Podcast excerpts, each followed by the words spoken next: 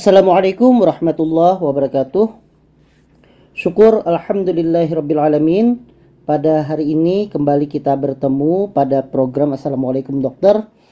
Dan pagi ini, edisi pagi ini saya akan kembali membacakan satu buah pertanyaan terpilih di mana pertanyaan ini disampaikan oleh Bapak Sulaiman. Baik, saya bacakan ya Pak Sulaiman. Assalamualaikum dokter. Saya mau bertanya mohon diterangkan secara betul-betul jelas apa itu kolesterol, apa itu trigliserida. Kalau memang masing-masing tinggi, apa yang berbahaya bagi tubuh? Saya sering diperiksa ini oleh dokter, tapi terus terang sampai sekarang saya tidak paham apa beda keduanya tersebut. Mohon dokter bisa menjawab pertanyaan ini. Atas jawabannya, saya ucapkan Jazakallah khair. Baik, Bapak Sulaiman, terima kasih atas pertanyaannya. Saya tertarik menjawab ini karena memang um, secara umum sebenarnya masyarakat tidak terlalu bisa membedakan antara kolesterol dengan trigliserida. Sehingga memang akhirnya ketika saya mendapatkan pertanyaan ini, saya langsung tertarik untuk menjawabnya agar masyarakat bisa mengetahui secara jelas apa itu sebenarnya kolesterol, apa itu sebenarnya trigliserida. Baik, uh, bagi eh, orang-orang terutama yang beraktivitas fisik, kemudian para pekerja, kemudian para pegawai, baik itu negeri ataupun swasta, pasti sering melakukan medical check up atau MCU. Dan uh, tentu saja medical check up itu salah satu yang diperiksa itu adalah kolesterol dan trigliserida. Tetapi sampai sekarang tentu mereka masih meraba-raba. Memang apa sih yang berbahaya kalau kolesterol tinggi? Tinggi, apa itu berbahaya? Kolesterol itu uh, trigliserida itu tinggi, ya. Sebelum kita bicara soal perbedaannya, uh, kita perlu tahu bahwa tubuh manusia itu secara alami memproduksi lemak. Kenapa dia produksi lemak? Karena dia sebagai cadangan yang akan diubah menjadi energi dan tentunya lemak itu juga dipakai untuk pembentukan sel. Lemak tersebut bisa didapatkan dengan mengonsumsi makanan seperti misalnya susu, keju, mentega, daging, dan minyak yang sering kita dapatkan dari makan makanan yang digoreng. Nah, lemak yang kita makan ini akan diubah oleh tubuh menjadi bisa menjadi trigliserida dan bisa menjadi kolesterol. Keduanya merupakan jenis lemak yang nantinya akan bersir bersirkulasi di dalam darah. Artinya dia akan beredar. Nah, dia bersama lipoprotein sebagai pembawanya itu dalam pembuluh darah nantinya. Nah, mari kita akan berbicara apa yang membedakan antara trigliserida dan kolesterol. Baik, saya akan mulai dulu dengan trigliserida. Jadi, trigliserida itu adalah jenis lemak yang sebagian besar itu didapatkan dari makanan. Oke, itu garis bawah dulu bahwa dia itu sebagian besar didapatkan dari makanan. Saat kita mengonsumsi makanan, tubuh mengubah kalori yang tidak diperlukan untuk segera untuk segera digunakan oleh hati menjadi trigliserida. Jadi begini, makanan itu mengandung karbohidrat. Karbohidrat itu akan dipecah menjadi kalori kalau dia digunakan dia akan dipecah menjadi namanya ATP. ATP itu adalah bahan bakar tubuh untuk melakukan aktivitas. Tapi kalau tidak dia digunakan, dia akan disimpan oleh hati menjadi namanya trigliserida. Senyawa ini disimpan di dalam sel-sel lemak yang kemudian dilepaskan hormon dan diubah menjadi energi ketika tubuh kekurangan asupan energi.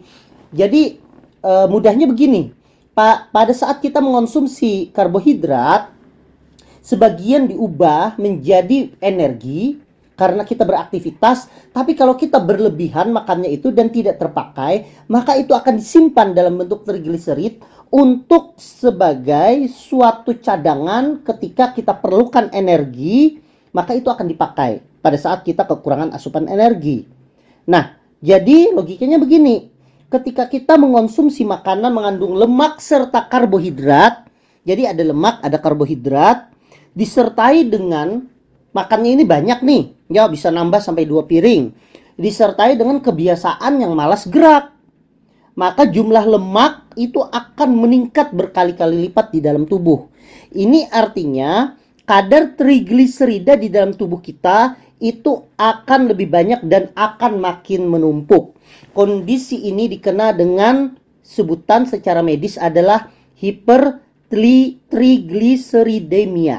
Nah, itu sudah paham ya? Artinya yang namanya trigliserid itu adalah simpanan lemak di dalam hati yang didapatkan dari makanan.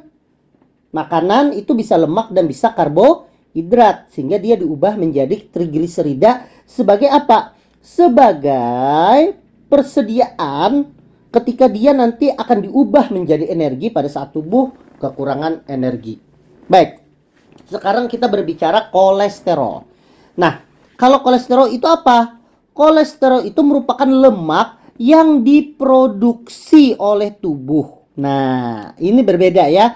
Tadi kalau trigliserida itu adalah suatu molekul di mana dia merupakan suatu simpanan lemak yang diubah menjadi trigliserida. Kalau kolesterol itu adalah lemak yang diproduksi oleh tubuh. Apa yang memproduksi itu adalah hati, hati yang memproduksi kolesterol, ya. Nah, diproduksi oleh tubuh dari makanan yang sudah dikonsumsi. Jadi makanan itu dikonsumsi dulu, kemudian dia diolah di hati dan diproduksi dalam bentuk namanya kolesterol. Jadi paham ya? Senyawa ini bisa kita dapatkan dari makanan yang mengandung lemak, baik itu lemak jenuh, baik itu lemak yang tak jenuh. Jadi dia murni lemak. Nah, berbeda dengan trigliserid tadi. Bahwa kalau trigliserid itu adalah makanannya itu karbohidrat pun bisa diubah dia menjadi uh, trigliserid. Berbeda dengan kolesterol. Makanan karbohidrat itu pada kolesterol itu tidak akan meningkatkan jumlah kolesterol di dalam tubuh. Berdasarkan jenisnya, kolesterol itu dibagi menjadi dua, yaitu kolesterol baik atau disingkat atau disebut dengan high density lipoprotein atau HDL yang kedua itu adalah kolesterol jahat atau low density lipoprotein. Kedua jenis tersebut memiliki perannya masing-masing. Secara umum kita jangan takut dengan kolesterol karena kolesterol itu eh, apa namanya? Karena kolesterol itu digunakan untuk pembentukan sel dan hormon serta menunjang sistem pencernaan. Senyawa ini misalnya membantu pembentukan hormon laki-laki, misalnya testosteron dan hormon perempuan misalnya estrogen. Kemudian kolesterol juga membantu menghasilkan hormon stres yang disebut dengan kortisol pada tubuh pria dan wanita. Selain itu, senyawa ini membantu produksi vitamin D yang larut dalam lemak sehingga kulit terpapar sinar sehingga dia itu menjadi baik ketika dia kulit terpapar sinar matahari. Kemudian yang penting lagi, kolesterol bahkan mendukung produksi asam empedu ya.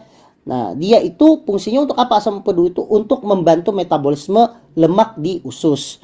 Ini merupakan dan kolesterol merupakan zat untuk membantu mencerna lemak dan penyerapan vitamin A, D, E, dan K. Jadi tidak selamanya kolesterol itu jahat. Tadi saya sampaikan tadi bahwa kalau trigliserid itu didapatkan langsung, dia diubah dari makanan, kemudian disimpan di dalam hati dalam bentuk trigliserid makanannya itu yaitu lemak dan karbohidrat. Berbeda tadi dengan kolesterol. Kalau kolesterol itu diproduksi oleh hati dulu. Jadi dia itu tidak dis, dia itu lemak itu dis, diserap dulu, kemudian di metabolisme di hati, kemudian diproduksi. Nah, hampir 2 per 3 ya, diperkirakan 2 per 3 dari seluruh kolesterol yang ada di dalam tubuh itu diproduksi oleh hati. Jadi tentunya eh, apa namanya Tentunya kedua zat ini adalah hal yang sangat penting. Apa saja makanan yang mengandung kolesterol? Banyak ya. Makanan yang mengandung kolesterol itu ada makanan yang berasal dari hewani. Antara lain misalnya ayam, telur, daging sapi, kemudian makanan-makanan produk susu. Seperti apa produk susu? Seperti mentega, kemudian yogurt, ya, kemudian apalagi namanya keju, ya itu adalah salah satunya. Kemudian, makanan yang mengandung lemak jenuh tinggi dapat mempengaruhi kadar total kolesterol. Jadi, hati-hati mengonsumsi makanan dengan lemak jenuh yang tinggi. Kemudian kita berbicara lagi, apa itu lemak jahat dan apa itu lemak baik. Jadi lemak baik, lemak jahat dan lemak baik itu saya sudah menerangkan di episode selanjutnya. Sebelumnya, saya hanya menjelaskan dari mana didapatkan lemak jahat dan lemak baik. Untuk lemak baik, dia didapatkan dari lemak tak jenuh. Jadi, tidak semua lemak itu pengaruhnya jelek terhadap tubuh. Nah, lemak tak jenuh itu disebut juga lemak baik. Dia terdapat dari mana saja. Misalnya, dari minyak zaitun, dari minyak canola, kemudian mentega kacang, kemudian kacang-kacangan. Ada lagi yang namanya lemak netral. Dia itu adalah lemak tak jenuh juga tetapi dia poli. Kalau lemak yang baik itu dia itu tak jenuh tetapi mono. Nah, dia didapatkan dari mana? Dari margarin, ya yang dibuat dari jagung misalnya atau dari minyak bunga matahari dan dari beberapa kacang, yaitu masih netral. Nah, kalau yang jelek dia itu berasal dari minyak jenuh ya. Nah, minyak jenuh itu disebut dengan lemak buruk karena dia mengandung lemak trans yang menyebabkan plak pada pembuluh darah. Nah, apa saja lemak trans itu yang sering terjadi yang yang banyak terdapat di makanan yaitu di makanan-makanan yang mengandung minyak sayur yang sudah terhidroksigenasi ya. Artinya seperti apa? Misalnya makanan yang berminyak di sudah berkali-kali dimasak, nah itu itu banyak sekali lemak jenuhnya. Kemudian lagi misalnya minyak yang digunakan berkali-kali juga, nah itu juga akan tinggi sekali e, lemak jenuhnya. Sebenarnya di dalam kenyataan di kehidupan ini tentunya sangat sulit untuk tidak memakan makanan yang tidak mengandung lemak jenuh. Kecuali misalnya kita itu melakukan diet vegetari yang sangat ketat. Sementara itu, kita juga memerlukan secara umum lemak. Sehingga menurut saya bukan masalah kita itu harus mengurangi makanan berlemak bukan seperti itu. Tetapi tentunya memilih ya bijak dalam memilih makanan yang di mana kandungan lemaknya itu tidak terlalu tinggi.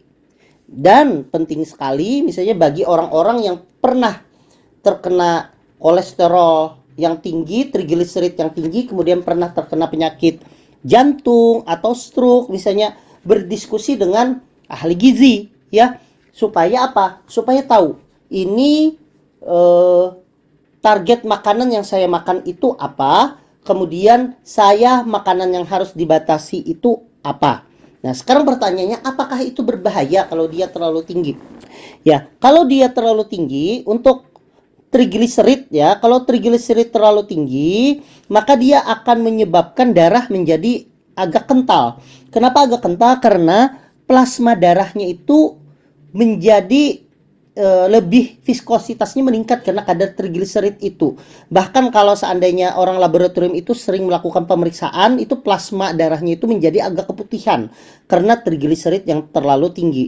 Kadar trigliserid yang yang terlalu tinggi juga dapat menyebabkan terjadinya peradangan pada pankreas yang disebut dengan pankreatitis sehingga harus hati-hati. Nah, kalau kolesterol bagaimana? Jelas. Kalau kolesterol yang tinggi terutama kolesterol itu eh, apa namanya? lemaknya itu lemak jahat, ya dia akan menyebabkan sumbatan di pembuluh darah bisa menyebabkan penyakit jantung koroner, bisa menyebabkan serangan jantung, bisa menyebabkan stroke. Nah, untuk kolesterol yang tinggi, sebaiknya sebaiknya diperiksa juga trigliserid. Ya. Kenapa diperiksa trigliserid? Karena kadangkala kolesterol yang tinggi itu juga disertai dengan trigliserid yang tinggi. Tapi kadang kalau trigliseridnya yang tinggi bukan tidak mungkin biasanya kolesterolnya masih normal. Ini terjadi pada orang yang makan nasi berlebihan dalam beberapa hari, kemudian dia diperiksa profil lipidnya. Bisa saja pada saat itu trigliseridnya tinggi tapi kadar kolesterolnya masih saja normal. Jadi itu penjelasan dari saya. Semoga ini bermanfaat uh, bagi Pak Sulaiman yang mana selama ini masih bingung membedakan antara trigliserida dan kolesterol. Dan saya harap juga ini bermanfaat bagi seluruh jemaah yang mendengarkan penjelasan saya ini dan lebih bijak lagi nanti dalam mengonsumsi makanan. Saya sampaikan sekali lagi tidak usah terlalu takut ya dengan yang namanya makan berlemak. Karena lemak itu juga sebenarnya diperlukan oleh tubuh. Tetapi bijak dalam memilih makanan terutama makanan-makanan dengan lemak yang tak jenuh yang kita pilih itu lebih baik. Demikian semoga bermanfaat. Saya tutup. Wassalamualaikum warahmatullahi wabarakatuh